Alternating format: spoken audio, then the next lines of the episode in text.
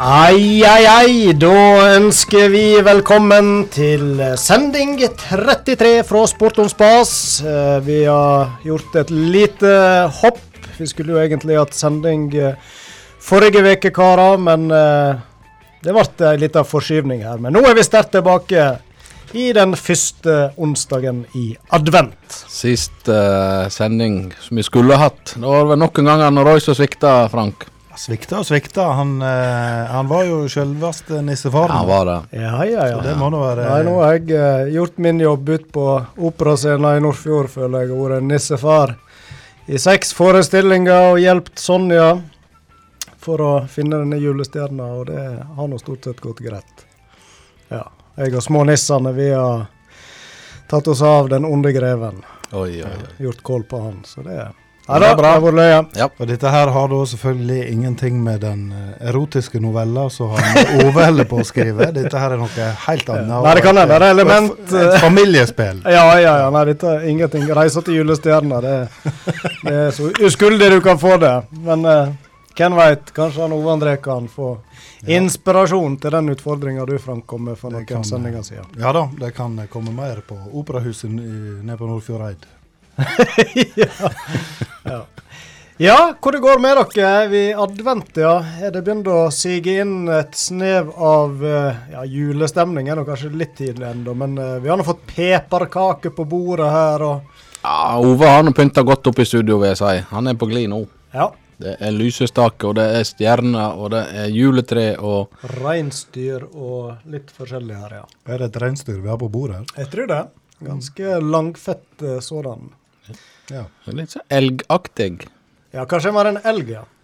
Han står med, stå står med ræva, ræva til meg, så jeg eh, har ikke helt Det er juleelg. en juleelg. Ja, Sport on spas i dag. eh, Der eh, blir det mye fotball. eh, Da i litt ulike inngangsvinkler, får vi si. For å snakke med de som har vært aktive, børste litt støv av eh, tidligere spillere. Eh, Så skal vi òg innom eh, den store stjerna som fall i eh, forrige uke.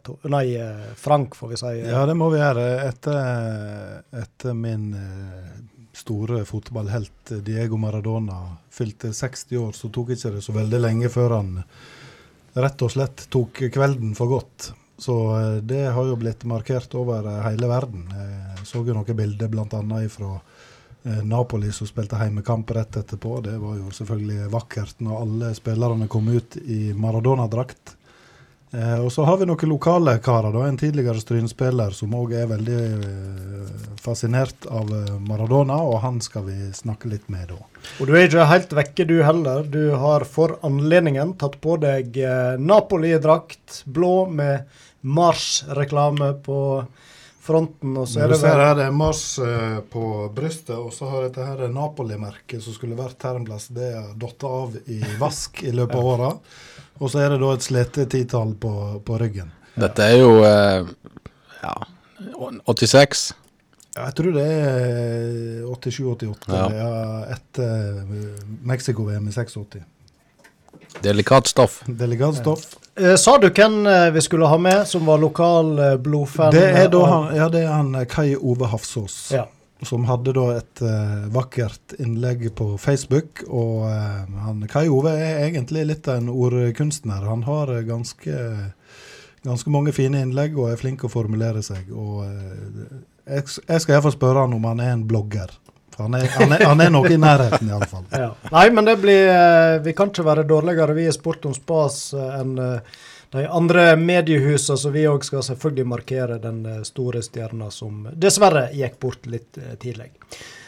Så fra arkivet da, så har vi en håndøl som vi har tenkt å ha en prat med Ole Kristian Haugen. Han er jo en kar du får henvende meg til deg igjen, Frank. da. Eh, du har vel spilt på lag med han på Stryn, iallfall?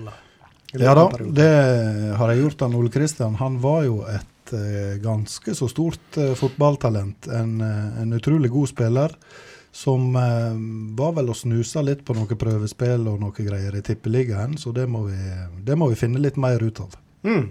Og så skal vi ha en Haugen til med Thomas. Dra Ja. deg litt inn i sendinga. Da skal vi til Innvik. Vi skal ha med oss han Sander Amble Haugen. Ja, han er jo en kar som vi iallfall for noen år siden skrev en del om i Fjordingen. Og så har det vært kanskje litt mer stille. Hva er det, Vet vi litt om hva han har styrt med, han Sander? Ja da, det vet vi jo. Han uh, reiste jo fra Stryn uh, til Viking i Stavanger. Prøvde seg der. Lukkes vel ikke helt uh, sånn som han hadde håpa sikkert. Og nå er han på Sotra. Ja, og da snakker vi andredivisjon, Ja.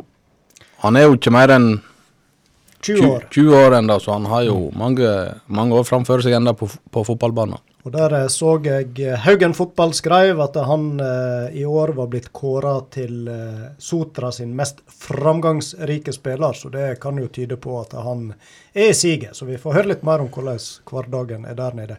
Og kanskje òg litt eh, spennende, jeg vet ikke, eh, med en kvinnelig trener. Ja, Sotra har jo fått mye oppmerksomhet i år pga. at de har eh, kvinnelig trener. Hun har vel òg forlenga kontrakten sin. Så det er jo litt spennende. Og ja. Det er Mm. ikke, så vidt jeg vet, det er vel eneste kvinnelige treneren i I hvert fall så høyt opp i høyt opp, divisjonene, ja. Ja. Ellers så skal vi jo høre fra vår kjære huspoet i kveld, dette. Rime Raja, han er trufast eh, på plass, han Atle Raja, så det, vi er spente på hva det er han har klart å pønske ut eh, til denne sendinga. Ja, så skal vi nå straks i gang med litt, eh, litt lokalsport òg. Det rører nå seg uh, bitte litt der òg i noen idretter, så vi skal ta en liten runde på det òg. Ja, ellers er det noe som vi bør nevne som har skjedd i disse her en spennende liva våre da, siden sist? Eller er det på det jevne? Det er vel på det jevne. Det går på det jevne, ja. Ja. Eh, vi, har vel, eh, vi har jo pynta litt til jul, da, som du var inne på i stad. ja. Eh, ja du, er du av typen eh, der all julepynt kommer fram når det er 1. desember, eller trapper du det gradvis opp fram mot julaften? Nå skal ikke jeg skryte på meg å være den som er admdir for julepynting hjemme. Du er mer som en alv, en hjelper.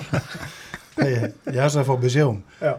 Men uh, det ble, var vel uh, mer aksept for å eh, pynte tidligere til jul i år. Mm. Fordi at det er litt spesielle tider, og at det da kunne lyse opp hverdagen litt, bokstavelig talt. ja, det så jeg faktisk. Oppe i Holbakkene òg. Der var det betydelig mengde julelys som kom fram kanskje ei uke eller to tidligere enn vanlig, eh, Thomas. Ja, det er mange plasser i Stryn. Det er mye lys nå.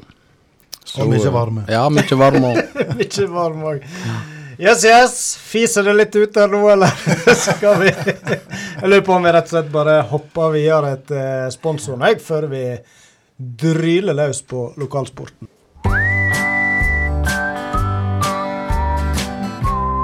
Banan er banan og butikk er butikk, det har nå jeg alltid ment. Ja, helt til jeg fikk nå øynene opp for bananer som André Oppheim hadde så nær sagt.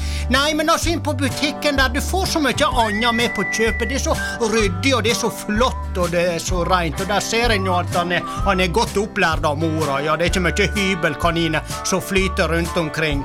Nei, jeg driver ikke dyrebutikk heller, bruker han å si. Han er så artig, han André, veit du. Men han har så mange andre rasende kjekke folk som jobber der òg. Ja, både norske som svenske. Smørblide og alt i hop. Eller smørgossa, som de, de sier på svensk, eller hva det heter. Ja, så er det voldsomt greit å parkere der òg, og det setter nå mange min pris på, for da veit han at han får bilen like hele heim igjen. ja, og ikke minst så er det noe rimelig å handle der. Ja, for som jeg sier, du trenger ikke være holden for å handle på bunnprisholden.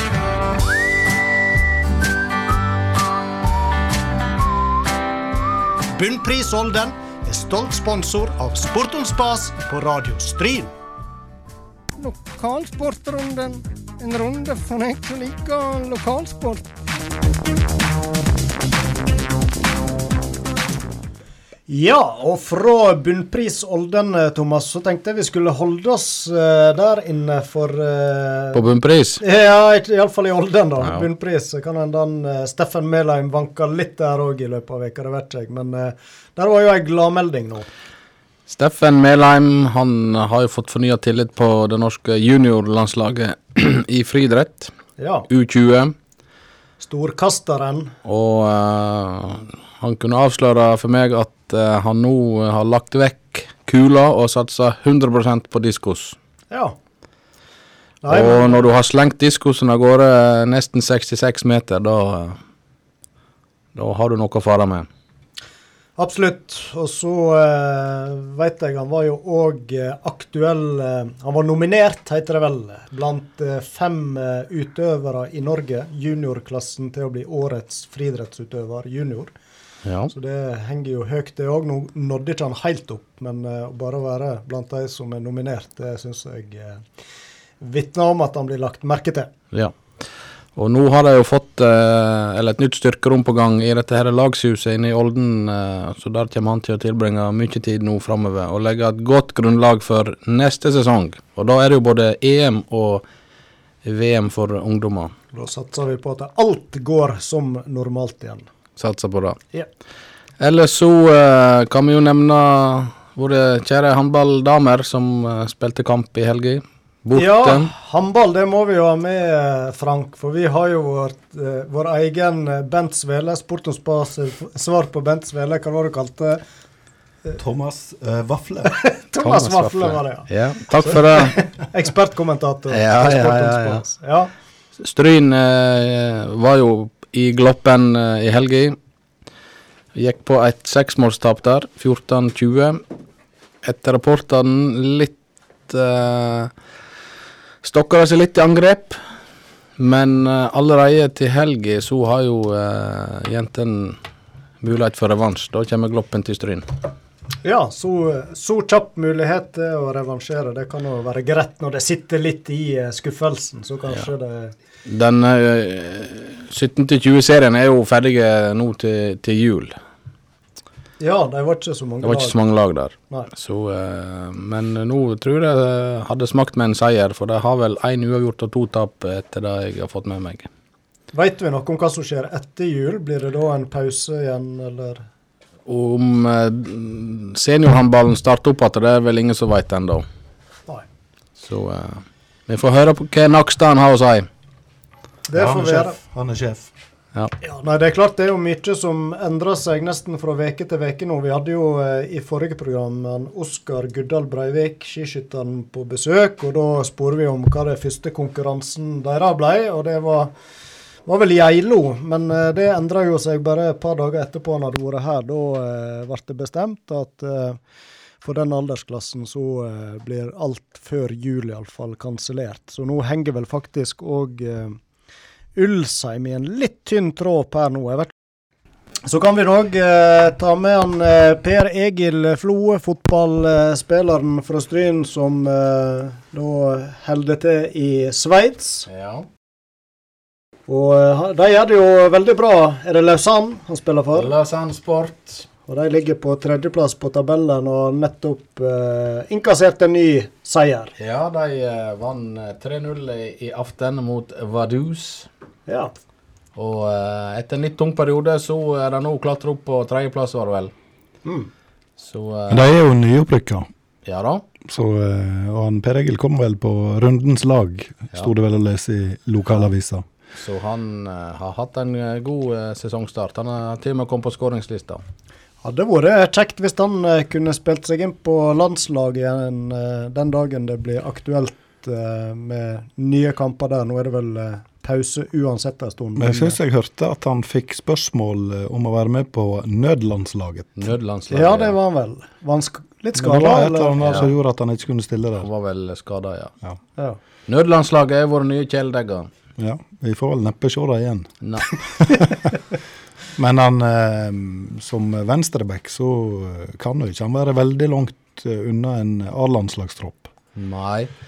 Nå har han vel, eh, holdt på å si, i den grad 31 år gammelt, så har han vel kanskje ikke alderen på sin side. Nei, det har han ikke, men eh, samtidig så mener jeg det at eh, en landslagstropp bør bestå av de beste spillerne i landet, uansett alder. Det er riktig. Så eh, gjenstår det å se om landslagstrener Lagerbäck er enig i det. Så har det jo vært skiskyting. Verdenscupen den er i gang. og Johannes Tingnes Bø han starta der han slapp. Det var rett nok en andreplass i første renne, men eh, så knuste han tilbake på sprinten. Ja, han blir nok vanskelig å ha med å gjøre denne sesongen her òg. Så får vi håpe at de får lov til å fullføre sesongen. Det er jo litt eh, I langrenn f.eks. er det jo eh, slutt, i hvert fall for Norge, Sverige og Finland sin del, fram til jul i hvert fall. Ja. Nei, jeg eh, forsto det sånn at Johannes òg, eh, om ikke han teller på knappene, så er det iallfall vurderinger som blir gjort eh, langs med nå. Det er klart det er skjørt hele greia, og det skal vel ikke så mye smittetilfeller til før de sula inn skiskytterne. Jeg hørte jo på et intervju med Johannes der han fortalte at smitteverntiltakene var noe så som så på hotellet de bodde på. Der de går og nevler opp i samme bestikkorger og alt mulig. Så det er skjørt. Det skal ikke mye til. Så er det game over, for en periode iallfall. Ja. Nei, vi får krysse det vi har. Det er jo kjekt å kunne ha litt vintersport å følge med på. Og nå eh, har vi jo ikke han Fannemel med i år heller på verdenscupen i hopp, og da eh, er det bøerne vi må liksom sette vår lit til. Så vi satser på det. Yes. Var vi da gjennom det som var av eh, lokalsport? I grove trekk. I grove trekk. Da eh, skal vi eh, spille kveldens første låt her, mens vi ringer opp han Sander Amble Haugen. Og så skal vi ha oss en prat med Sotra-spilleren fra Innvik. Ja da, vi må visst eh, holde Du, denne, denne drakta du har på deg, Frank. Ja. Når eh, gikk du til innkjøp av den? Fikk du den, eller var det Det var vel noe jeg masa meg til på slutten av 80-tallet en gang. Du masa det til det? Ja, det vil jeg nok tro jeg gjorde. Eh, I forkant av VM i 1986 så fikk jeg ei Maradona-drakt. Eh, da visste jeg knapt nok hvem Maradona var, jeg var jo ni-ti år gammel. Og så gikk jo han hen og var eh, mesterskapets store stjerne og vant eh, VM med Argentina. Og da var det gjort. Nå, nå må du kjappe deg, for nå er musikken begynt her. Maradona skal vi komme tilbake til seinere i sendinga. Nei, altså, Spartans Bas det er jo å gå for teorien i praksis, ikke sant? Altså, du har de beste folkene på de beste plassene. The Killers var det vi hørte der. Da har vi med oss på telefon Sander Amble Haugen. God kveld til deg. God kveld, ja. Ja. Du spiller på Sotra. Da satt vi og diskuterte litt. Er vi på stridelandet da, eller bommer vi? Det kan stemme, ja. Ja. Eh, jeg har ikke sånn supergod kontroll på det, men eh, jeg føler nå at jeg har hørt ordet der. ja. Ja. Det er ikke så forferdelig viktig for så vidt. Men eh, hvordan trives du på Sotra, da?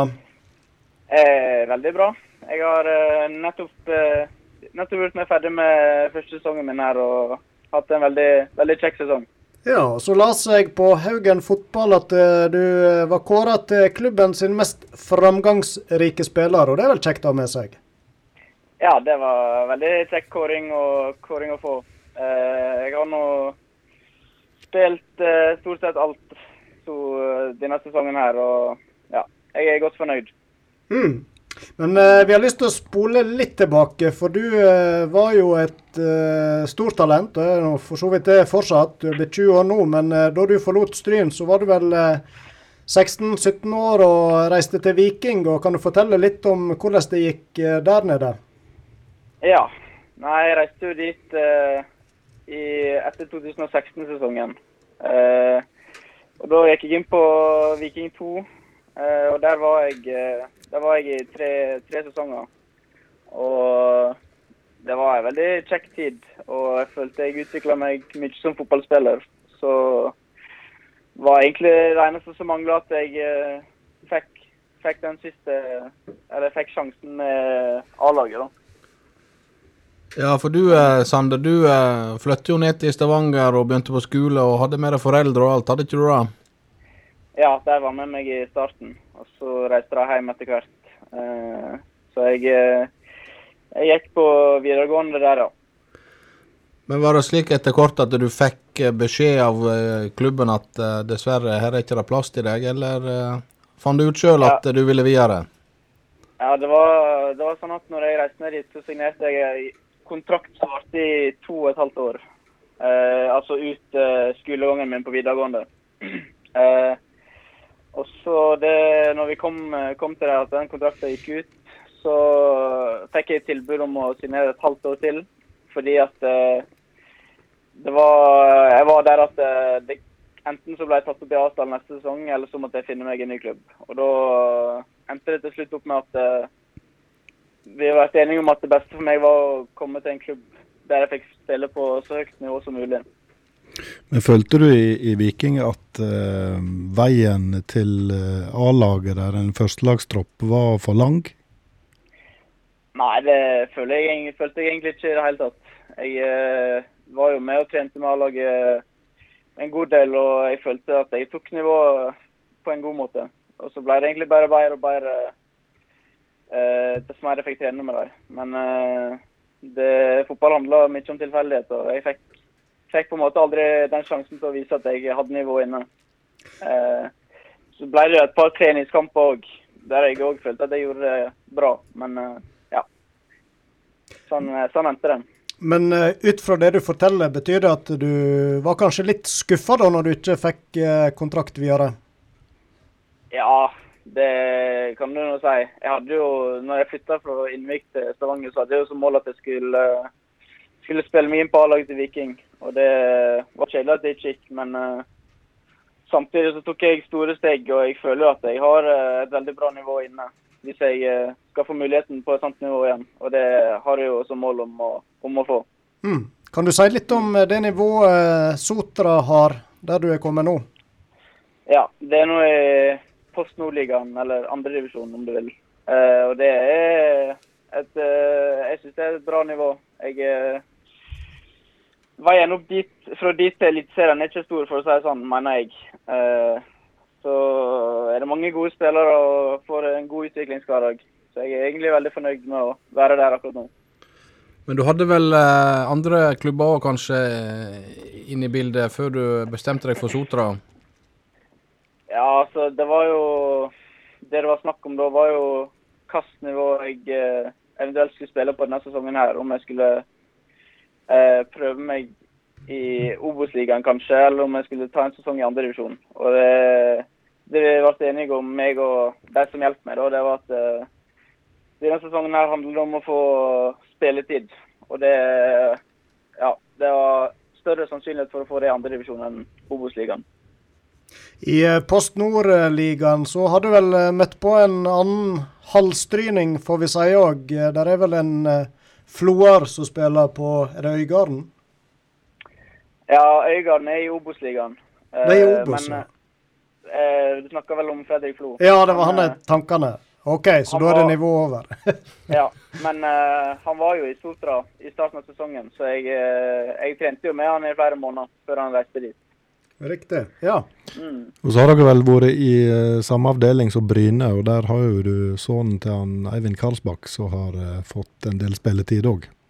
Ja, han, uh, han møtte jeg uh, en av de siste serierundene. Da spilte han på min side. Ja, riktig.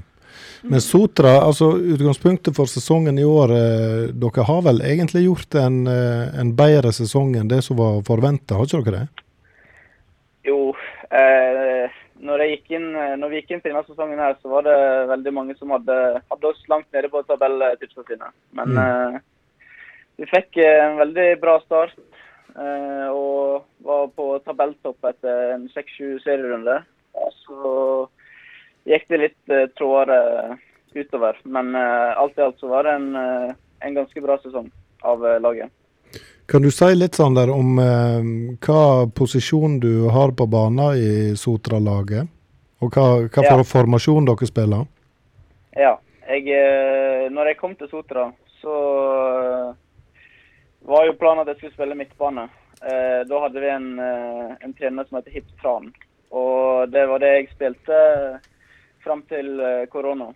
Og så, når vi kom i gang igjen etter, etter den pausen, da, så fikk vi ny trener, og da uh, syntes hun at jeg eh, kunne passe godt ut på wingbacken.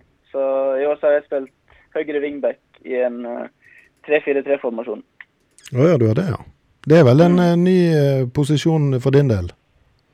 Ja, der har jeg, hadde jeg lite erfaring før sesongen. Men eh, jeg, føler at, eh, jeg føler at det er en posisjon jeg eh, kan eh, nå ganske langt i.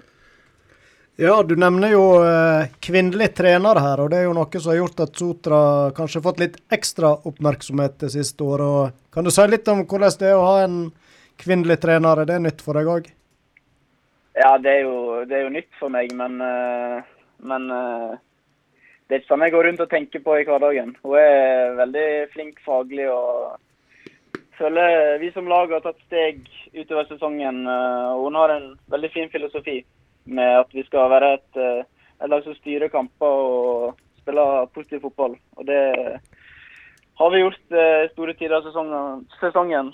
Så har det kanskje skorta litt på siste tredjedel nå på slutten. Eh, NRK-serien Heimebane, der var det jo, var det jo en kvinnelig trener som var i hovedrollen, selvfølgelig. Føler du at du er litt med på et sånt liveshow når du er med der? Nei.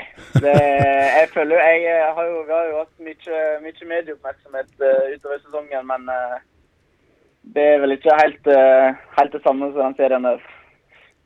Men merker du noe på hun som trener i forhold til at, at det er ei dame? Er det, er det på en måte noe sånn til daglig da, og i kamp noe spesielt fokus på det, eller blir det på en måte bare en vane til slutt? Altså For meg og resten av laget så har vi jo blitt eh, vant med det, men eh, det du kanskje kan si, er at eh, hun har kanskje ikke et like stort eh, behov for å markere seg med å skrike og hoie på sidelinja som, som andre trenere har. Og det syns jeg kanskje kan være positivt òg. Ja da, jeg, eh, jeg har jo sett noen innslag i diverse sportsreportasjer om henne. Hun virker jo veldig, veldig sånn jordnær og rolig som type, da. Så det, det er jo sikkert behagelig for spillerne, tenker jeg. At eh, du slipper en som eh, slakter deg bare du slår ei feilpasning. Ja, det er veldig, veldig betryggende det at du kan, du kan gjøre feil uten at du skal uten at du skal bli skjelt ut for det. Så føler jeg òg at eh, det er en veldig fin dialog mellom eh, hun og spillergruppa i forhold til eh, Ja, hvis det er noe vi føler ikke går eh, riktig vei, så får, så får alle lov til å være med og bidra på hvordan vi skal fikse det. Nå ser jeg, Sander, at du har forlenga kontrakta di ut 2022-sesongen. og eh, Hvordan tenker du, hva ambisjoner har du framover nå med fotballen? Nei, jeg har jo eh, jeg har jo et mål om å nå så langt som mulig. og Akkurat nå så tenker jeg at det er fint å være i Sotra, men eh, ja.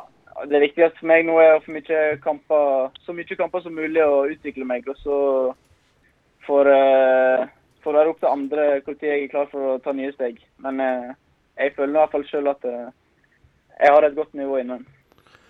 Og hvis nå eh, Øygarden skulle rykke ned fra Obos, så eh, ligger det vel an til et par bikkjeslagsmål på Sotra neste sesong.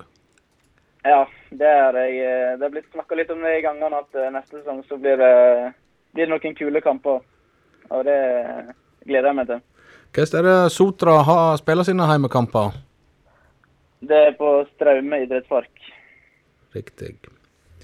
Og du som springer opp og ned bekken, du har ikke tid å henge på Sartor-senteret, du? Nei, det har ikke blitt så mye Det har ikke blitt så mye henging der, men eh, jeg hadde bl.a. ei eh, gokart-turnering eh, der. Og da da gikk jeg av med seieren. Så Gjorde du det, ja? Ja. Meget sterkt. Det er sterkt. Det er sterkt. Men å spille i andredivisjon, er det en fulltidsjobb, eller er du student, eller jobber du ved siden av, eller hvordan er det? Nei, altså Det er jo litt etter hva du gjør det til. Eh, jeg tror det er mange unge spillere i Norge som, eh, som eh, har det som en fulltidsjobb, og det har iallfall jeg. At jeg legger alt jeg kan i fotballen, og så har jeg samtidig begynt på studiet etter videregående. Så jeg spiller både fotball og studerer økonomi. Ja, så da Mm.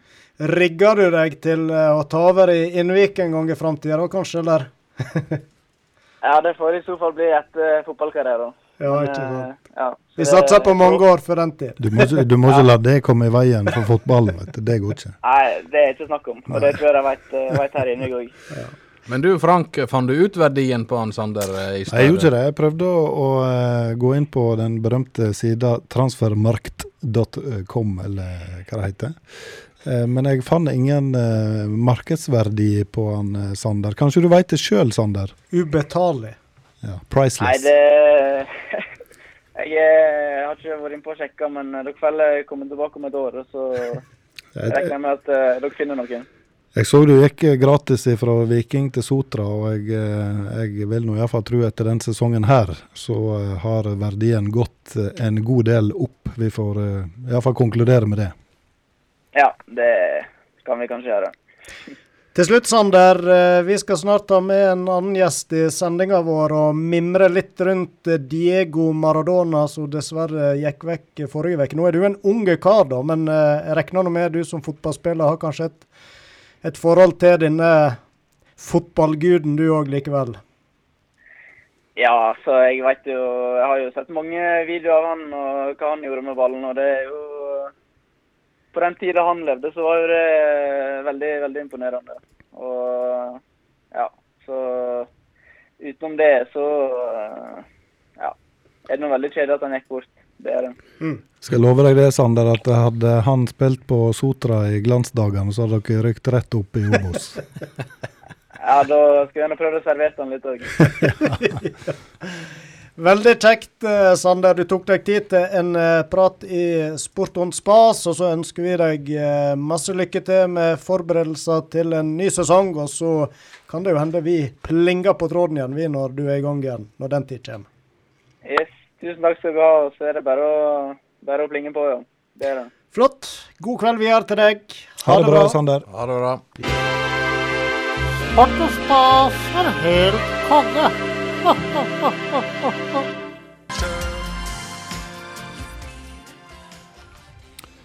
Ja, det var faktisk eh, Petter Northug det som er ute med julesang. Hvem skulle tro det?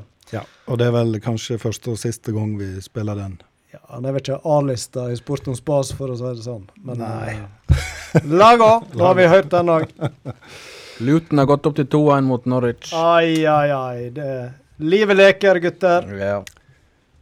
Nå eh, skal vi over på noe helt annet. Vi eh, er som oftest et eh, program som tar for oss lokalsport. Av og til drister vi oss til det nasjonale òg. Ja, men nå, eh, nå reiser vi helt til Buenos Aires. Oi, oi, oi. Eh, vi har vært inne på det før i sendinga, at eh, den store fotballguden Diego Maradona gikk vekk for ei ukes tid siden. Og da var det en eh, kar eh, som jeg kjenner godt, som heter Kai Ove Hafsås, som skrev et langt innlegg på Facebook. Eh, det var bilde av ei eh, Maradona-drakt og et stearinlys. Vi har delt bilde på Facebook-sida til Ja, det har vi, Sport og ja. Og da innleder han det, eh, innleder han innlegget med følgende. Den siste tunnelen er slegen, og den siste finta er satt. Velkommen, Kai Ove Hafsås. Tusen takk, Frank. Ja, det har vært ei eh, tung uke når, når vår felles eh, fotballgud har gått bort. Ja, det var ikke Det var på en måte Du hadde vel egentlig venta at eh, han kanskje ikke ble så gammel, men det kom vel egentlig ganske overraskende på deg likevel, når det først skjedde. Så jeg må innrømme det, Frank, at det kom ei lita tåre. Ja, nei, jeg, jeg, forstår, jeg forstår det godt, Kai Ove. Det gjør jeg. Men eh, du, Kai Ove, du er nå eh, en kar som uh, mange kjenner deg fra Strynedrakta for en del år tilbake. Um, hva du uh, forsvant hen, for, for å ta det først, da, hva du forsvant hen etter du var i Stryn? Uh, jeg spilte vel litt i Stryn mens jeg studerte i Bergen, men jeg, men jeg var vel noen år i den store breddeklubben Gneist på Sandsli, mm. i nærheten av Flesland i Bergen, i en del år. Eh, og etter det så eh, ble det mer jobbing og mindre fotball på meg, så jeg ga meg vel egentlig ganske tidlig. Jeg fikk meg eh, vel en sesong i, i Ålesund i, i 25-årsalderen. Og det var vel det siste jeg gjorde på ei fotballbane, tenker jeg, for knappe 17 år siden. Hadde du drakt nummer ti i Gneist? I Gneist hadde jeg eh, vel drakt nummer sju. Så jeg hadde ikke drakt nummer ti, nei. Det hadde ikke jeg. Du hadde vel tatt den hvis den var ledig? Ja, det har vært født og oppvokst eh, Gneistgutt, så hadde jeg nok sikkert hatt nummer ti. Men i og med at jeg kom eh, rekende på ei fjøl utenfra, så, så var det vel noen som hadde tatt den før meg, tenker jeg. Men, men dette her med, med Maradona, hvordan eh, oppsto din eh, fascinasjon for eh, han? Nei, det oppstår vel som for de fleste andre. Du ble vel eh, litt eh, Jeg er født i 79, da, så jeg har vel egentlig ikke noe sånn spesielt store minner om han før eh, i VM i Mexico i 86. Mm. Så det var vel egentlig da du først fikk den store fascinasjonen. Men um, i kjølvannet av det mesterskapet så fikk jeg vel ei Maradona-drakt med ei tante som hadde vært i Syden. Og det er vel det veldig mange fikk eh, på den tida. Jeg, jeg eh, fikk ei rett før VM i 86 av eh, onkel Paul og tante Kristin. Ja, der har du det. Det. Framsynt. Framsynte. Så ja, så det var vel i VM i 86 du fikk inntrykk av at her har du en spiller som på en måte er litt utapå alle andre. Og Mm. eh, Det var da fascinasjonen i utgangspunktet begynte. Og så har jeg fått sett eh, en del klipp og en del kamper faktisk før, før 86.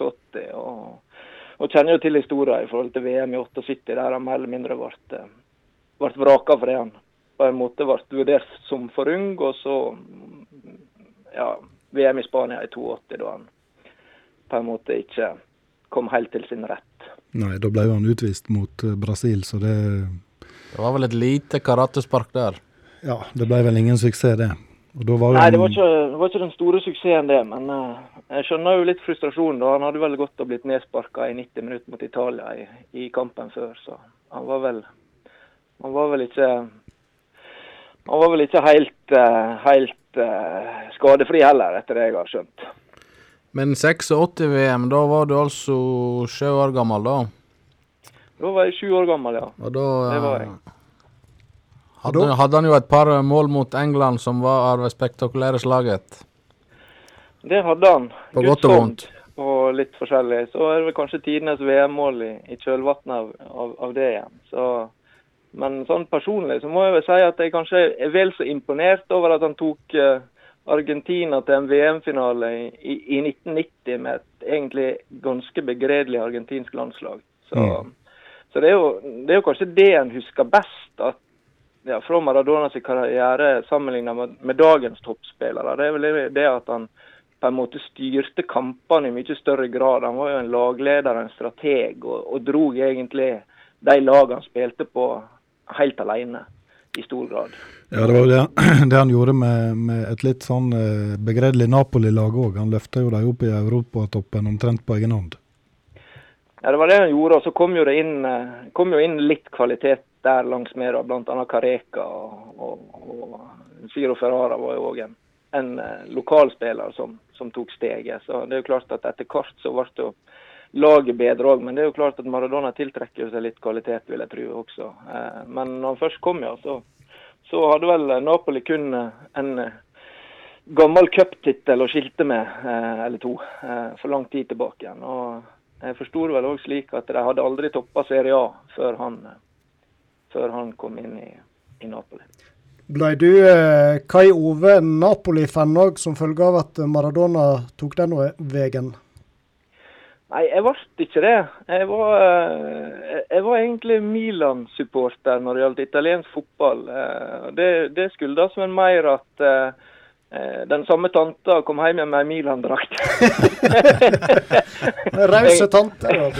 ja, en gang på, en gang på slutten av 80-tallet med, med det fantastiske Milan-laget med Gullit, Reikard og, og van Basten. Du likte striper. Ja, nei, så Maradona, der har egentlig fascinasjonen mest vært spilleren snarere enn lagene. Men jeg må innrømme det at eh, når det gjelder spansk fotball, så er jeg en svoren Barca-tilhenger. Og det henger nok tilbake eh, med at eh, Maradona tross alt fikk seg et par år i, i, i Barcelona. Men det var vel heller ingen suksess? Nei, det var ikke noe suksess. Det var vel Jeg har nå lest en del bøker i forhold til karrieren til Maradona, og, og det var vel litt, litt det samme som kanskje Zlatan opplevde. At eh, det var veldig mye direktiv og veldig mye styring av klubbledelsen i forhold til hva som var lov og hva som ikke var lov. og Det, det passer kanskje ikke de, de mest eh, meritterte og, og stjernene, egentlig. fordi at det, De sier jo det at eh, hvis du skal ha et snev av geni i deg, så må du være litt gal. Og, og, og det var vel kanskje Maradona på, på Han ble han ble vel sparka ned av han som gikk under tilnavnet Slakteren fra Bilbao. Ja, han Atletico Bilbao-spilleren, han ødela vel en ankel på han der, ja. Han gjorde nok det, ja. I, i, i år etterpå, når, når, um, når um, de skulle møtes igjen, så, så var det vel en, to lag som mer eller mindre klikka fullstendig. Det var vel masse slagsmål eh, etter det en kan se på diverse klipp i, på YouTube. Og Da ble jo han òg utestengt i jeg tror det var tre måneder, og det bidro jo da til den overgangen han gjorde til Napoli etterpå. Ja, det var vel mer eller mindre et, eh, at Barcelona mente det at han kanskje var et problem for klubben. og De, de ville kvitte seg med han egentlig. Så, så, men det skapte jo en stor karriere og et uh, stort navn når han først fikk gå derifra. Jeg las det at han, eh, hvis jeg tar rett nå, jeg mener han skåra 38 mål på 58 kamper i Barcelona, så han gjorde jo seg ikke helt vekk. Nei, det er jo nettopp det òg. Hvis du leser litt i forhold til hva som er skrevet om den Barcelona-karrieren, så, så, var jo det mer eller mindre en, en fiasko, sier de. Mm. Men, eh, men, og litt det samme med Zlatan òg, som òg hadde en god del mål i forhold til antall kamper. Så, så når du har 38 mål på 58 kamper, så er jo det rimelig bra fra en sentral midtbaneposisjon. Og, eh, ser du på en del av de målene som han presterte for Barcelona, så, så må du vel fram til Messi sin tid for å, for å se noe lignende, iallfall. Ja. Jeg skal bare ta en sånn kort historie. Gary Lineker eh, hadde for seg eh, noe om Maradona nå etter han eh, gikk bort. Og, Han fortalte at han spilte på et sånn sammensatt verdenslag i lag med Maradona. Og da gikk han jo bare første han gjorde, var å begynne å nipse med fotballsokkene. Rulle sammen fotballsokkene sine inn i garderoben. Og satt og nipsa i fem minutter uten at de gikk i gulvet. Og så eh, gikk han ut på banen og så gikk han og leka seg med ballen. Og så spente han plutselig ballen så høyt han kunne opp i lufta. Og når han kom ned igjen, så spente han den rett opp igjen på én touch uten at han var i bakken. Og dette gjorde han 13 ganger og bevegde seg kun tre skritt. Ja, Og så sa Lineker da at han eh, tok med seg den der tilbake til, til Barcelona. Han spilte jo der da. Ja. Og så skulle de prøve det på trening, og den, eh, den beste hadde tre. Og da måtte han springe som en gal etter den tredje. Og det sier jo på en måte litt om hva han, eh, hva han kunne gjøre med ballen, han der eh, lille karen fra Argentina. Ja, det er jo eh, helt enormt det han klarer å pressere med en fotball. Og Det har vel en del av de norske toppspillerne sagt. Han Rekdal sa vel òg at det beste minnet han har om Maradona, det stammer fra ei oppvarming i forkant av en europacupkamp mot Stuttgart. Så, så det er jo litt um, Ja, for å si det sånn, det, det så vel jeg ut som han koste seg med, med fotballen. Og det var vel på en måte fotballen som gjorde det at han eh, ja, takla mye av livet på slutten, vil jeg, vil jeg si. For det, han hadde jo sine utfordringer utafor banen. Ja. Jeg så òg et intervju med en gammel lagkamerat av han eh, som han hadde i Barcelona. og, og Han eh, sa det at eh, Maradona framsto som verdens mest eh, jordnære og koselige type inn, innad i spillergruppa. Mens eh, det var så mye styr rundt han eh, utafor at han skjønte ikke hvordan det gikk an å, å leve et liv i det hele tatt som Maradona. Så det sier jo litt om hva ja, påkjenninger og så videre, og hva press han hadde på seg hele veien. Ja, hvis du ser eh, det, Han han har laga en dokumentar med han nå. Det er ikke så mange år siden han kom, et par-tre år siden. Så, så virker det egentlig som at eneste plassen han egentlig fikk fred, det var ute på ei fotballbane. Ja. Og, og der fikk han vel ikke fred der heller, for han ble vel mer eller mindre sparka muligheten bydde seg. Men, eh, men ja, jeg tror, jeg tror fotballen og fotballbanen, det var der Maradona etter hvert som han ble eh, megastjerne, følte seg mest fri. Det, det virker det som. Jeg er helt enig med deg, Kai Ove. Så bare lurer jeg på, når du eh, var liten strik og skulle ut og spille fotball, eh, var det sånn for deg da at du var Maradona? Ja, jeg, var, jeg var alltid Maradona, og så var jeg alltid først i alt. Ja. Sånn, så, sånn var det. Ja, det var sånn eh, når vi spilte fotball oppe på Hol òg. Da, eh, Da tok vi hvert sitt navn, og hvis Maradona var ledig, da tok jeg den. Selv om ja, hva dere gjorde hvis dere hadde, var mange som hadde Maradona? Nei, det var jo det, da. Da var det Platini, og så var det litt sånn forskjellig. Men eh, det var ikke like stas. Var ikke du Frank Arnesen nå, da? Ja, det, det var en sånn backup. Nå, nå er det jo mye snakk om eh, posisjonen til Maradona sett opp mot dagens spillere, om han eh, kan regnes som verdens beste gjennom tidene. og Så er det jo naturlig å sammenligne opp mot landsmann Messi. og Hva du tenker der?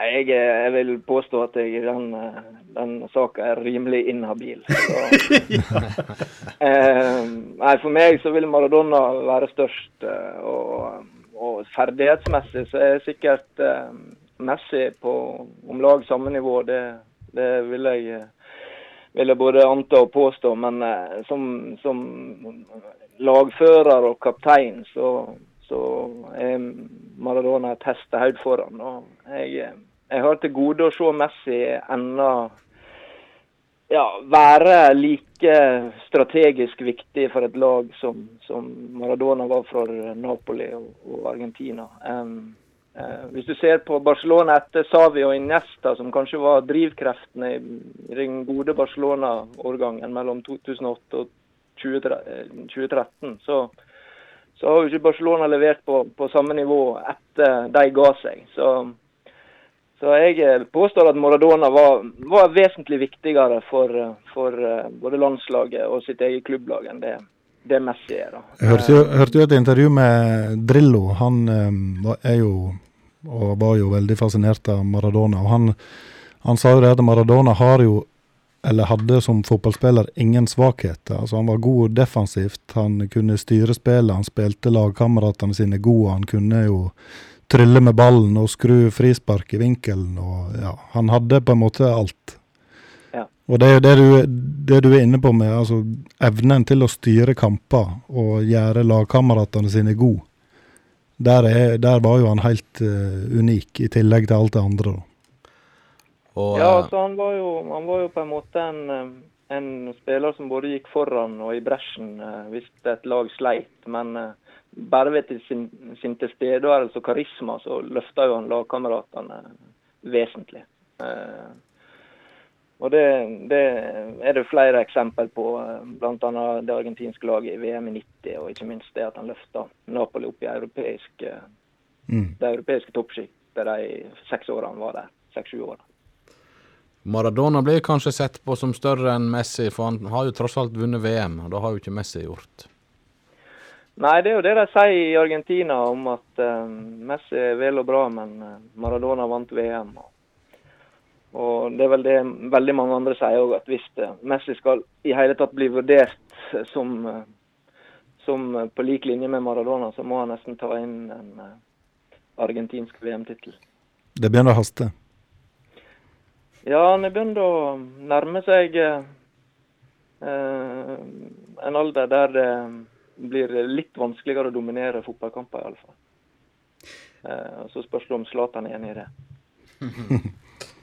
Men eh, Kai Ove, hvordan har du fulgt eh, Maradona etter at han la opp som spiller? Har du på en måte leie nesten like tett på da òg, i trenerrolle og ellers eh, det som har vært å skrive og se og lese om denne karen? Ja, ja, han, han Jeg har jo fulgt han hele veien. Det har jeg. Han, etter Napoli så var han jo innom Sevilla og, og Bocca og Newells Old Boys og, og, og var med i VM i 94 der han tok noe slankemiddel og ble tatt for doping. Så etter det så hadde han jo en fem til ti år der han var rimelig langt nede og langt ute å kjøre før han, før han fikk hjelp med han Castro og Cuba og kom seg på, på føttene igjen og, og, og tok opp en trenerkarriere der han bl.a. var i Sør-Afrika med Argentina som landslagssjef. Eh, Så jeg har jo fulgt han hele veien. og Han, ble- han var jo òg i Mexico og trente Sinaloa. Det er jo rimelig spesielt med tanke på at det er en sånn kartellby. Så kan du spørre, spørre hva motivasjonen bak den trenergjerninga var. Det er jo ikke godt å si. Men, men jeg har jo fulgt den hele veien. Og det er jo ikke tvil om at eh, han har hatt utfordringer både med, med rus og ikke minst overvekt eh, de siste 10-20-15 åra, også etter at karrieren var, var ferdig. Så, så ja, jeg har fulgt han. Det har jeg gjort. Mm. Det var noen skrøpelige kne der på slutten, iallfall.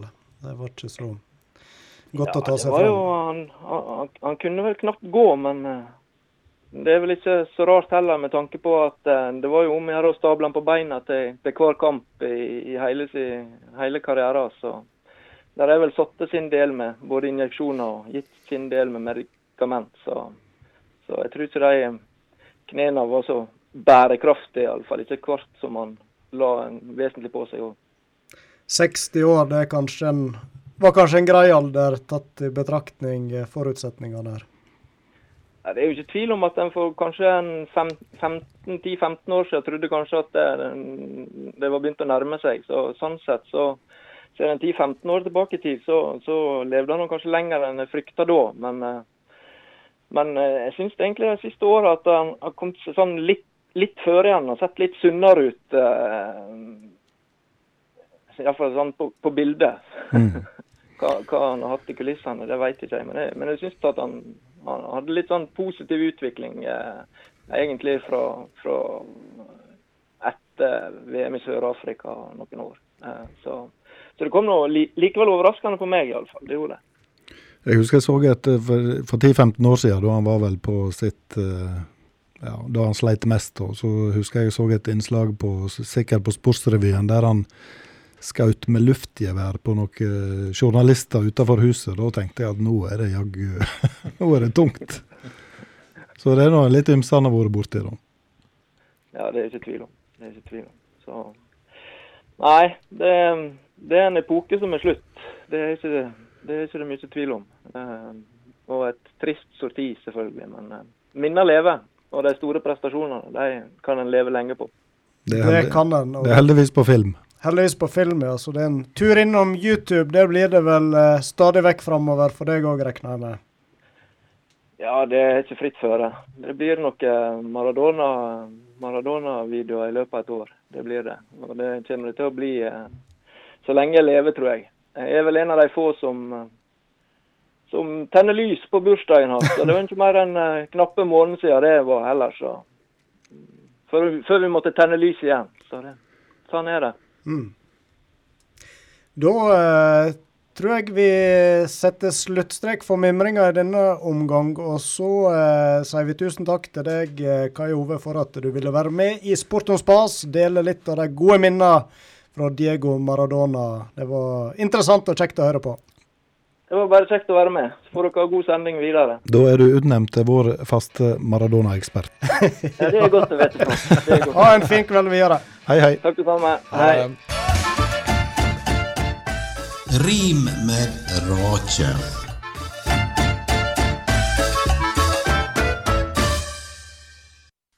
Var. For eit mål, du verden, søren det vart var.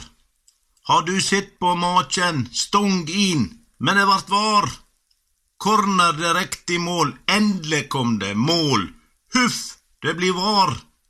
For eit angrep, klint i krysset, der fikk en inn. Har du sett? Var. Å ja vel, det var var det var.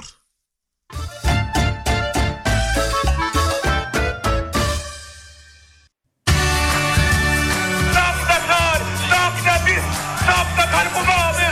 Saken er ertesuppe! Vi vasser i arkivet. Ja, da har vi flytta oss over i eh, arkivet, vi her i Sport om spas. Og med oss på rikstelefon fra hovedstaden, regner jeg med. Ole Kristian Haugen, god kveld til deg. God kveld, god kveld. Ja, vi eh, har jo denne arkivspalten der vi leter fram eh, tidligere idrettsutøvere, litt ulike idretter, som markerte seg hvis vi går noen år tilbake. og du var jo en som eh, figurerte en del, iallfall i lokalaviser, som et stort fotballtalent når du var ja, 15-20 år gammel, stemmer ikke det? Jo, jeg var nå jeg var nå med på fotball, så vidt jeg kan huske. oh, ja, det begynner å bli så mine. Ja, det var arkivet, så jeg begynner å bli gammel, skjønner jeg. Ja.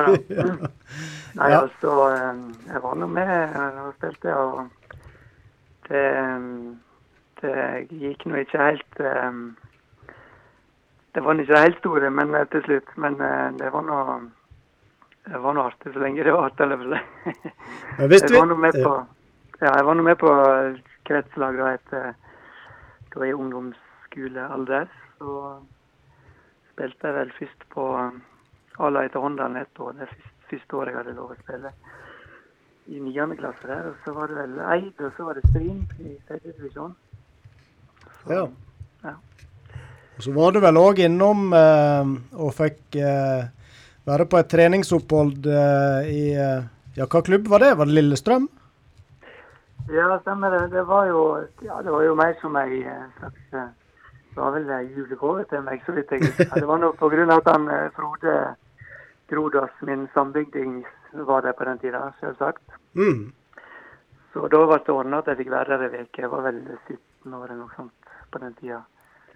Så eh, da bodde jeg eh, da bodde jeg med han, og så fikk jeg være med å trene med A-laget der. Og det var jo selvfølgelig veldig stort det på den tida. Det var veldig trivelig. Mm. Men 17 år, ja. Hva kan du huske tilbake? Hadde du litt ambisjoner da, og trua på at det kanskje kunne bli denne her en profftilværelsen som en gjerne drømmer om når en er i den alderen? Ja, jeg hadde nok, eh, jeg hadde nok et håp som så mange andre. Det hadde jeg jo. Og jeg var vel eh, jeg var ganske seriøs en periode der, disse, disse åra der. Eh, Men det, jeg hadde mangla tydeligvis det som det siste for å klare å gå noen steg videre. Så, eh, men eh, jeg var nå i Stryn i mange år, så var det litt skader inne i bildet òg, selvfølgelig. Det var det, men eh, det, jeg klarte aldri å ta steget videre oppover divisjonene. Du nevner skader, Ole Kristian. Jeg husker en eh, kamp eh, vi spilte eh, Ja, vi var med både jeg og du inn i Årdal, tror jeg det var. Der du havna midt imellom i en sandwich mellom to årdøler, og det var vel framtennene dine som sto da i vinkel bakover etterpå. Ja, det stemmer nok, ja. Det var jo en, en litt stygg sak. Ja, den var litt lei, den. Det var det, altså. Nei, det var, jeg husker det var vel på Stryn 2 i Årdal en søndag, så vidt jeg husker. Um, så ja, den var litt kjedelig, for da, det var vel tre tenner som røyk. Ja. Det sto, eh, sto rett bak. så da var det vel på legevakta å uh, bråte dem fram igjen.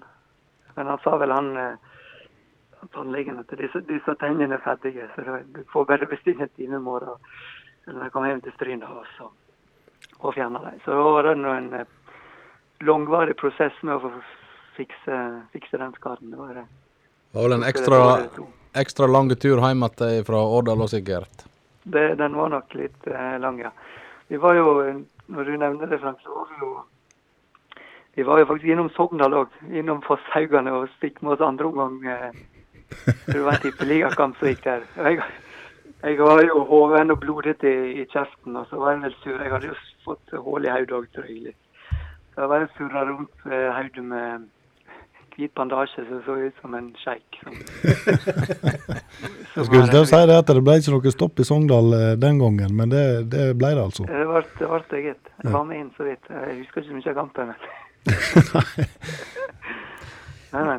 Men Ole Kristian, du sier at du, du fikk liksom ikke tatt dette siste steget. Når eh, begynte du å gi deg med fotballen? Når innså du at uh, det var andre ting du kanskje måtte Nei, det skjønte jeg vel sikkert sånn i, i begynnelsen av 20-åra, kanskje. Eller jeg vet ikke helt. Jeg, jeg for jo etter den skaden der, så var jeg jo ferdig den sesongen. Og da, så vidt jeg husker, så for jeg, jeg for faktisk til Sandnes et år. Da hadde jeg jo lagt litt fotballen på is, for det var en litt sånn langvarig skade, den tannskaden. Og så tok jeg det opp igjen ned i Stavanger, og spilte vel på Sandnes eh, i andre divisjon et år. Så var det jo litt på han igjen, og så Men eh, så for jeg vel tilbake til Stryn igjen året etter der igjen. Og da var det vel kanskje tredje på i Stryn. Så for jeg til USA litt. Da hadde jeg vel for så vidt ja, Da hadde jeg nå skjønt at jeg ikke kom til å nå så veldig mye lenger her. Så da var det vel å hoppe på et lite eventyr i USA. Så jeg var der i tre år, da. Spilte college. Hvordan, Så, hvordan var det, Ole, Ole Kristian? Var, um, var du på en måte den eh, store stjerna på laget, eller? Jo, jeg ble vel for så vidt eh, det med en gang. Jeg fikk jo uh, utdelt uh, fikk beskjed om at jeg skulle bli kaptein etter første trening der. Så Full tillit der, altså. det er der borte er jo det en stor sak, visst. Ja. Uh, det var ikke så Ja, det var ikke spesielt for meg sånn sett, men eh, det var jo artig for den, for den æra. Så, Mm. eh, så det, det var Jeg følte jeg heva meg litt da, egentlig den perioden jeg kom bort til. Så vi, selve laget var jo, var jo aldri så veldig Var jo ikke så veldig godt, egentlig. Men jeg spilte sammen med mange gode enkeltspillere som gjorde egentlig veldig mye bedre enn meg eh, i etterkant. da. Mm. Det gjorde jeg. Vi har jo en, en som har vært proff i Tyskland, i andre Bundesliga. Og så hadde jo han eh, min eh, norske kompis, han eh, Haaland, han reiste jo tilbake og starta en karriere i Norge. Han gikk i spilte på Mandalskameraten, og så ble han kaptein på Start etter hvert. Og så ble han proff i Danmark. Så det var, ja. det var, jo artig å spille i lag med noen Mm. som gjorde det veldig bra i etterkant. da. Var det type sportsstipend, idrettsstipend du var der på? du... Eh, Ja, det var det. Det var sånn uh, fotballscholarship. Mm. Jeg skulle jo faktisk over et par år før, egentlig. Eller det var snakk om, i hvert fall. Eh, det, eller der han Per Ole var. Han. Ja. Så det var, eh, det var han treneren som han Per Ole hadde, som jeg Det var jo pga. den skaden at jeg ikke reiste over det året. Eh, Og så ringte han treneren som Per Ole hadde i USA meg et par år etterpå, da, for da hadde han reist et nytt universitet. Og da ville han eh, prøve på nytt å få meg over da. Så da reiste jeg og havna i Cleveland, av alle plasser. Han, eh, han, per Ole Tenden hadde jo òg noen gode fotballår i USA, og han var jo på vei inn i proffligaen der. Mm.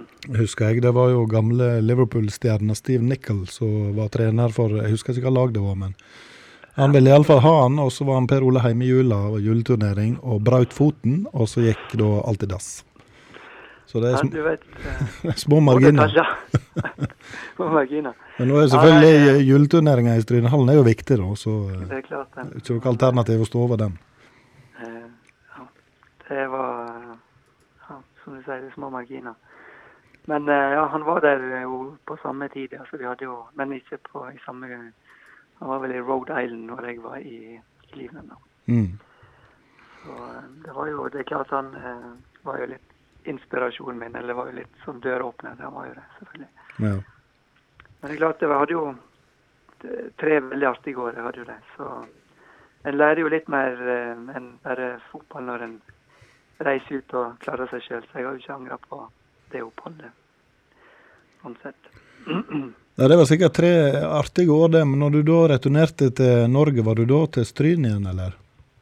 Ja, altså når jeg var der borte, så spilte jeg vel på Stryn på somrene når jeg var hjemme. For eh, Ja. sesongen der borte på college, det var vel fra 2000 til 2003, det var jo bare om høsten det var sesong. Så reiste jeg bort litt tidlig på sommeren, eller preseason i juli var det vel. Mm.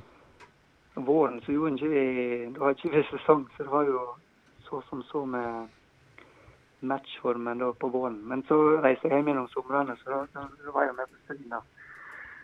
Eh, fram til neste semester, på en måte. Så jeg spilte jo litt på Stryn den perioden, men det er klart jeg kom jo litt seint i mai, og så reiste jeg igjen. Så jeg fikk jo liksom aldri etablert meg helt en sånn hei, over en hel sesong, da. Nei. Eh, og etterpå det så enda du vel i Sogndal som eh, student? Ja, det var rett før det. Det var før jeg reiste. Er to år. da. Å, det var før det, ja. Ja. Så 98 til 2000 var jeg i Sogndal. Ja, riktig. Ja, Så da var jeg sammen med Jon Terje og Karl Ludvig, ja, som eh, tidligere òg Stryn-spillere. Mm. Så nei, etter jeg kom hjem igjen, da var jeg vel så vidt i Stryn, ja. Så var jeg, jeg var så vidt nede og prøvde, men da han Atle Roar, han kompisen min fra den tida, han spilte på Mandagskameratene. Mm. Da var han og besøkte han ei uke, og fikk trene ei uke med dem. husker jeg. Da var han Eivind der òg, da. Ja, riktig. Mm.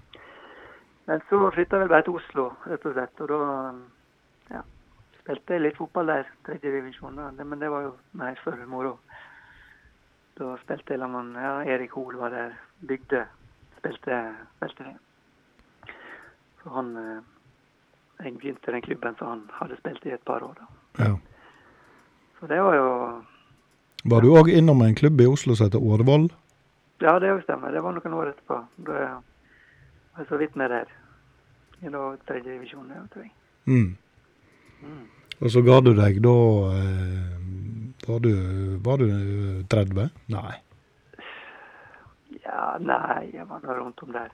Ja. Prøvde meg nå litt sånn, men altså, det i Oslo, det var noe Det var ikke så seriøst egentlig, som det var tredje divisjon. Det var vel et par treninger i veka. Så jeg prøvde meg litt De Der hadde et ganske godt oldboys-lag, faktisk. Sånn elverlag på Årvoll. Så jeg prøvde meg eh, Spilte litt på der. Så da, men da var jeg vel blitt 34 i hvert fall. Mm. Så det, det var en del gamle, gode Årvoll-spillere. Så vi spilte vel i første divisjon i Oldboys-ligaen i Oslo. da. Møtte en del gode lag og gamle storspillere der. Mm. Men jeg sleit, eh, sleit veldig med beina, så det ble veldig av og på, rett og slett. Hvordan var det du oppholdt deg på banen stort sett eh, gjennom karrieren? Nei, det var noe stort sett eh, rundt midtbane. Enten eh, indreløper eller kant var vel så vidt borti. Og har vel, ja, i USA spilte jeg vel mest sentralt, eller litt sittende sentralt eller defensiv. Litt anker. Så det var, det var midtbane i forskjellige roller. Jeg husker jo han eh, Ole Kristian som en eh, sånn liten og lett eh, teknisk god sentral midtbanespiller. Eh, Kanskje litt uh, uten sammenligning for øvrig, for øvrig da, lik han vi har snakka litt om tidligere i dag, eh, Maradona. Ai, ai, ai. Vi, vi går jo rett ifra Maradona til Ole Kristian Haugen her. Er dere begynt på jule, julegløggen? Vi har en del pepperkaker og twist her, så Jeg skulle bare visst. Han, jeg tror han òg går attåt. Og noe attåt. Nei da, men du var, jo, du var jo en sånn eh, teknisk eh, god eh, sentral midtbanespiller. Ja, altså det, på, på, på det nivået eventuelt, holder jeg på å si. Men eh, Mm. Ja. Det, takk for det, men eh, skulle jo Jeg føler sjøl jeg skulle nå prøvd å dra det litt lenger, selvfølgelig. Det, men det er ikke noe skylde på, det det. Men eh, det, en skal ha en totalpakke for å klare å komme videre. og mangler, mangler et eller annet så på det, men eh, det er jo veldig mange som er talentfulle som eh, ikke klarer å ta disse videre stegene. Så. Det er jo litt fristende, Frank, å høre om han har noen målgivende pasninger til deg. Jeg har, Ole Kristian har spilt såpass mange kamper i lag på Stryn 2 at det tror ikke jeg kan, kan ha unngått. Nei, riktig. Nei da, nei, det kan jo være og. Det var lett, Men, eh, lett å være spiss på Stryn 2 når du hadde sånne spillere rundt deg. vet du. Det var mye moro i Stryn. Vi hadde det. Men du gjorde jo òg et ørlite comeback i slutten av januar i år. Ja, for, ja, det stemmer jo det. Det var jo veldig artig. Jeg hadde ikke fått trent på noen år, men eh, dårlig til beins. Men det var jo veldig artig. Absolutt. Da var jo Ole Kristian med Strynelaget som reiste til denne veteran, veteranturneringa i Lærdal. Mm. Og gjorde en meget sterk figur.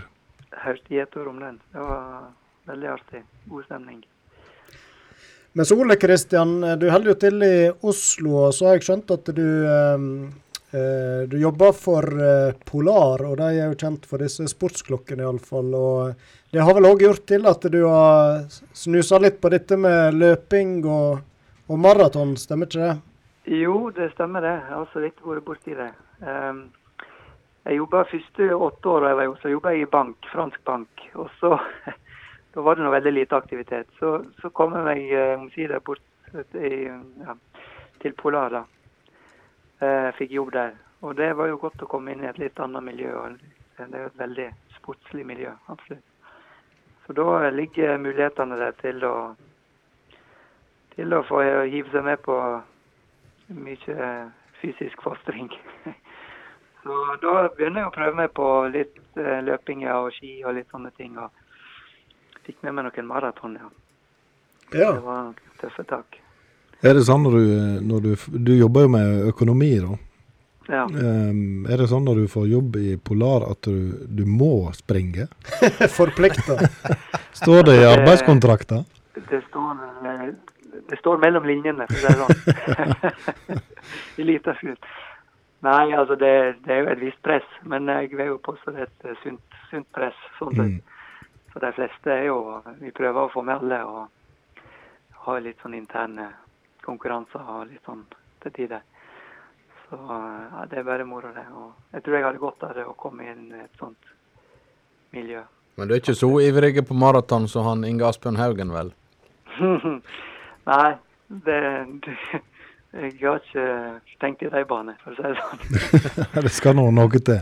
Men ja, stemmer ikke Du er i den slekta og Rasmus Gausemel, kan det stemme? Jo, han, ja. eh, han, ja, han Inge er jo onkelen min, ja, selvfølgelig. Og Rasmus han er vel da tremenningen min. Ja, stemmer det. Så hvem er det som har eh, beste personlige rekord i denne slekta, da? Har du snusa på den, eller? Ja, nei, det var jo litt, eh, litt snodig, holdt jeg på å si. Jeg, eh, jeg trente, det var ett år jeg sprang noen maraton der jeg skulle bare fullføre uten trening. og Det var jo voldsomt hardt. Men så var det ett år der jeg fikk trent noen måneder ganske bra. Og da tok jeg faktisk rekorden til han eh, onkelen min, han Inge. Ja. Eh, jeg tok persen hans med jeg tror det var over 20 sekunder noe sånt. Oi, oi. Så Hva tid snakker vi da? Nei, da, Det var Oslo Maraton. Det var jo det året Jeg fikk jo med meg dere snakket med Karl Ludvig sist. Mm. Eh, Det, var, det var det året han jeg Anton på Oslo der. Nei, det var t- 3.08,08 var det vel. Oi, ja, men det er Så tror jeg persen til han Inge han, det var vel 3.08,20 et eller annet, så vidt jeg husker. Så det var, det var nok en tunge sekunder å svelge for han sikkert, vil jeg tro. Men eh, jeg tror Rasmus han tror jeg han tok det Han var vel ned mot to, til deg så vidt et år, så han eh, har vel den rekorden i slekta. tenker jeg. Ja, er han kommet under tre timer? Jeg vet ikke om han har vært under, om han var rett over. Men Han han har det iallfall inne, tror jeg. Ja, Han kommer, tror jeg kommer til å ta det ganske snart. Sprang iallfall en sterk eh, halvmaraton her tidlig på våren, da det var sånn eh, Hva det heter det? eh, Digi Ja, sånn, eh, digitale løp, hadde jeg nær sagt. ja. Ja. Ja, registrering, iallfall. Ja, så Ja, han, eh, nei, jeg har nå fått inn på han eh, polarklokke, så jeg følger jo med på er sånn. så han, han ligger godt i rute. ja, ja. Ja. Nei, men eh, Du, du, du er nå Stridsjernas Nils Ihoya. ja, det er helt korrekt. Og han er jo voldsom å spille trekkspill. Er det noe du har eh, prøvd deg på? Nei, det, har jeg ikke aldri prøvd. Eh, nei, Jeg, jeg, vet, jeg, jeg vet at du er meget sterk på blokkfløyte, men eh, Blokkfløyte. ja. nå er vi over på spas. Nå er vi ferdig med sport. Nå er vi på spas. Eh, vi hadde vel noen uh, opptredener i Sogndal på blokkfløyte, det stemmer det? ja da, det, Hva du spilte du? Du spilte vel på ei aus? eller Nei, jeg spilte triangel. Ja, og en. Dette hører jeg eh, Dette var etter midnatt. Det var et, et meget variert orkester. Ja. Før frokost. Ja. Men har du mista ja. lysta på springinga, eller er du fortsatt litt aktiv der, og ambisjoner om å hive deg med på en fortsatt en maraton, eller hvordan er aktiviteten nå for tida? Nei, det blir, det blir veldig av og på, det har det vært i årevis. Sånn sett. Det kan være to gode uker og så en måned, en måned av plutselig. Så det blir, det blir aldri noe stabilt. Men eh, jeg har en liten drøm om å komme i gang igjen, selvfølgelig. Men nå har jeg ikke blitt yngre med åra, så det kan jo sikkert bli tøft å komme opp igjen mot det jeg klarte det nå var det hva tid det var det 2014 jeg satte den der persen. Men eh, ja, vi må nå alltid ha et mål, så vi får si at vi får prøve igjen neste år. Så kanskje du skal styre unna Lærdalsturneringa, så ikke ødelegger føttene dine. Nei, det er god oppvarming. Det er viktig, Ja, det- med, viktig med trivsel òg innimellom. Den er vel avlyst nå. Ja, den er avlyst nå, ja. Det er helt ja. riktig. Jeg bare tenkte helt til, til slutt, Ole Kristian. Dette her med um, fotball var jo det som var din idrett. Eh, Hvordan er ditt forhold til fotball i dag? Nei, um, jeg følger jo med på fotball. Mye ser mye fotball, selvfølgelig. Mm. Jeg er jo Leeds-supporter, så jeg har jo hatt en liten opptur i år, selvfølgelig. Ja, ja. Endelig var tilbake. Der våkna Eh. tekniker Ove òg. Mm. Ja, ikke sant? Der har vi det. En fornuftig håndheld. Nå har jo vi ikke noe sånn blodfanspalt i dag, men eh, jeg må nesten spørre deg hvorfor det ble Leeds. Ja, nei, det kan du si. Det var vel ikke Det var ikke engang i første divisjon, som det da het, tror jeg, når jeg begynte å følge med dem. Så jeg må vel eh, skylde på storebroren min. Han var vel litt supporter. Så jeg ble vel litt påvirka der, sannsynligvis. Ja, riktig. Det vi hadde på den tida, det var jo tabellene i mandagsavisa. Så det var å tippe kampen eventuelt. Men jeg tror ikke de var det de siste året jeg begynte å følge med. det. Men vi fulgte nå med på i aviser og etter hvert på tekst-TV. Ja, ja, det var jo, det var jo måten å skaffe seg informasjon, det. Ja, det var det. Ja. De eh, Men, unge, eh, lytterne som hører på, de vet kanskje ikke hva tekst-TV er for Nei, noe det er nok ikke det. Det er nok ikke det. Faren min han eh, kan alle sine på rams. Han er fortsatt der. For si sånn. Fins tekst-TV fortsatt? Ja, Tekst-TV fins på NRK. Ja, Ja.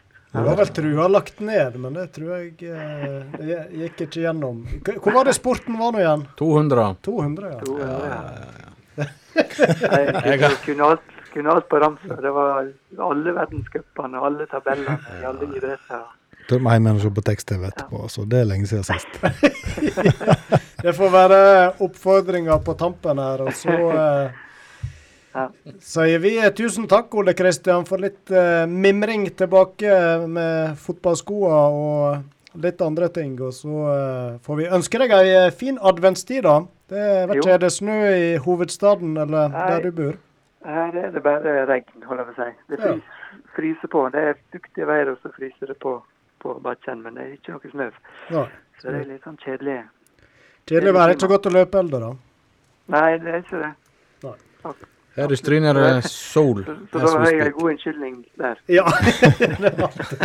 alltid, greit å ha en god unnskyldning. Ja, men Flott, Ole Kristian. Tusen takk igjen for at du var med. Og så eh, ønsker vi deg en eh, fin kveld videre. Hei, hei. Takk det samme. Ha det godt.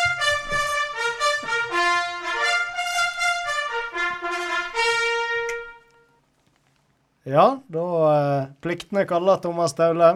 Denne Ja. Roy Aron Myklebust. Eh, Nå er det konkurransetid. Ja. Nå er vi spent om du husker Ja, nå er det så mange, mange uker siden vi var på lufta sist, veit du. Takka være deg. Um, Snikkritikk. ja. Nei, vi hadde jo en uh, blid kar fra Innvik på tråden. Husker de kanskje? Oskar Raftevold. Ja. Som eh, da bedriver eh, denne idretten, eh, Frank. Volleyball. Ja, og så var spørsmålet hva slags klubb han holder til i. Husker du det, Frank? Førde. Førde Vibeke. Og siden det er advent nå, så tar jeg fram påskeegget. Og i dag er det vår programleder Roy som skal trekke. Du får finne deg en lapp oppi Det bugnende egget. Ja. Du kan ta denne, det er greit. Nissefar sjøl trekker fra egget. Ai, ai, ai. Skal vi se. Da leser jeg eh, følgende. Henning Breidablikk. Ai, ai, ai, ai. Flott. Er det en ny mann? Ny mann? Han, På- har, han har sendt inn mange ganger, Ja, så dette var fortjent. Veldig bra. Vi gratulerer Henning Breidablikk. i kreklingen. Så da er det bare å gi en lyd til oss når det gjelder Ja, her eh, Nå må du ta dråpene dine, du. Ja, nissefar tar dråpene. Dråpene. Og han uh, hadde ikke med en ekstrapremie òg, du, uh, Ja. på denne konkurransen der. Det har vi, for da slenger vi med rause, så vi er et lodd ifra Stryn fotball. Og der eh, er det vel både rabattkuponger, og ikke minst da så kan jo en være heldig å vinne flotte premier, uten at jeg har de framfor med noe en kan vinne, men eh, litt av hvert ifra lokale sponsorer. Yes. Så da eh, slenger vi med den, og så får han, det var det jeg var på vei å si når alarmen gikk at han får gi en lyd om størrelsen han var på T-skjorta. Så har vi nå litt, litt igjen på lager ennå. Vi har så det holder. Jeg tror vi må holde på to sesonger til. Skal vi bli kvitt alle disse T-skjortene? Ja, Er det store nok T-skjorter, da? Har dere store? store, ja. Ja. Må du ha ei stor en? Nei, jeg tenker på han Henning. Oh, ja, nei. Ja. Henning, han uh... Han er godt voksen, så uh... Kanskje han skal få bestemme det sjøl. Ja, han er brei over skuldrene, han Henning, så uh, vi får se. Han Han kan jo komme og prøve. Han er sterk. Dette ordner seg. Dette ordner seg. Kjempegreier. Da eh, gratulerer vi Henning Breidablikk. Og så eh, må vi stille et eh, nytt spørsmål. Har vi lodd å hive på i premie da òg, eller? Nei. Da Ja, vi kan hive på. Eller eh, kanskje bingoblokk? Nei, vi må tanke flakslodd. Flakslodd, Ja, ja, ja. ja. Det er Vi hiver på litt flakslodd. svært så noe. Et par bingoblokker. Oi, oi, oi. Da hiver vi både bingoblokk og flakslodd i potten. Det er jul. Til, eh, Det er jul. Det er jul. Ja. Det er siste sending eh, i sesong fire blir det. Om eh, 14 dager. Den 16. desember skal vi vel være kommet til da. Så da skal vi vel fleske til med litt skumnisser og litt forskjellig òg, regner jeg med. Da er det sikkert Ai, kaos i heimene vår pga. på grunn av jul, eh, og styr og stell. Da passer vi oss ut, passer godt å sitte her, da. Det er kanskje godt for kjerringene våre at vi kommer oss ut litt òg, så de får Sikkert greit for dem at vi er i dag òg. Så de får tørka støv av TV-en. Ja. ikke sant. Nok om det, karer. Vi må ha en ny konkurranse. Ja. Vi snakka med vår venn Sander Amble Haugen. Og han oppholder seg eh, i denne klubben i Norges land i Post Nordligaen. Så hvis du har fulgt med, Frank, så vet du svaret på klubben til han Sander. Det er Nei, det skal jeg ikke si. Send inn ditt svar til eh, Sport om Spas på Messenger, og du er med i trekningen av vår T-skjorte, flakslodd og bingoblokk. Er det bingoblokk eller blokker? Det er flertall. Det er to bingoblokker. Og på T-skjortene, vi må ikke glemme slagordet vårt.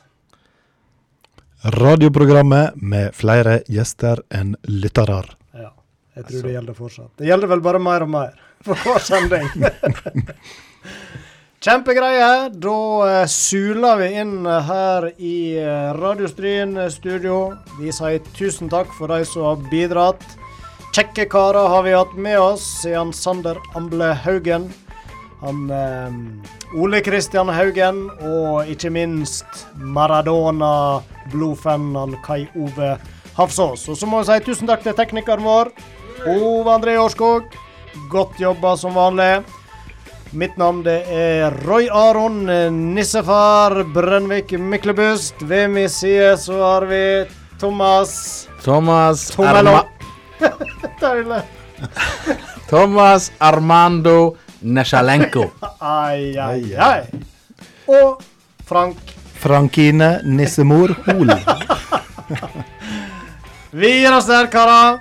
Takk for i kveld. Hei, hei. hei.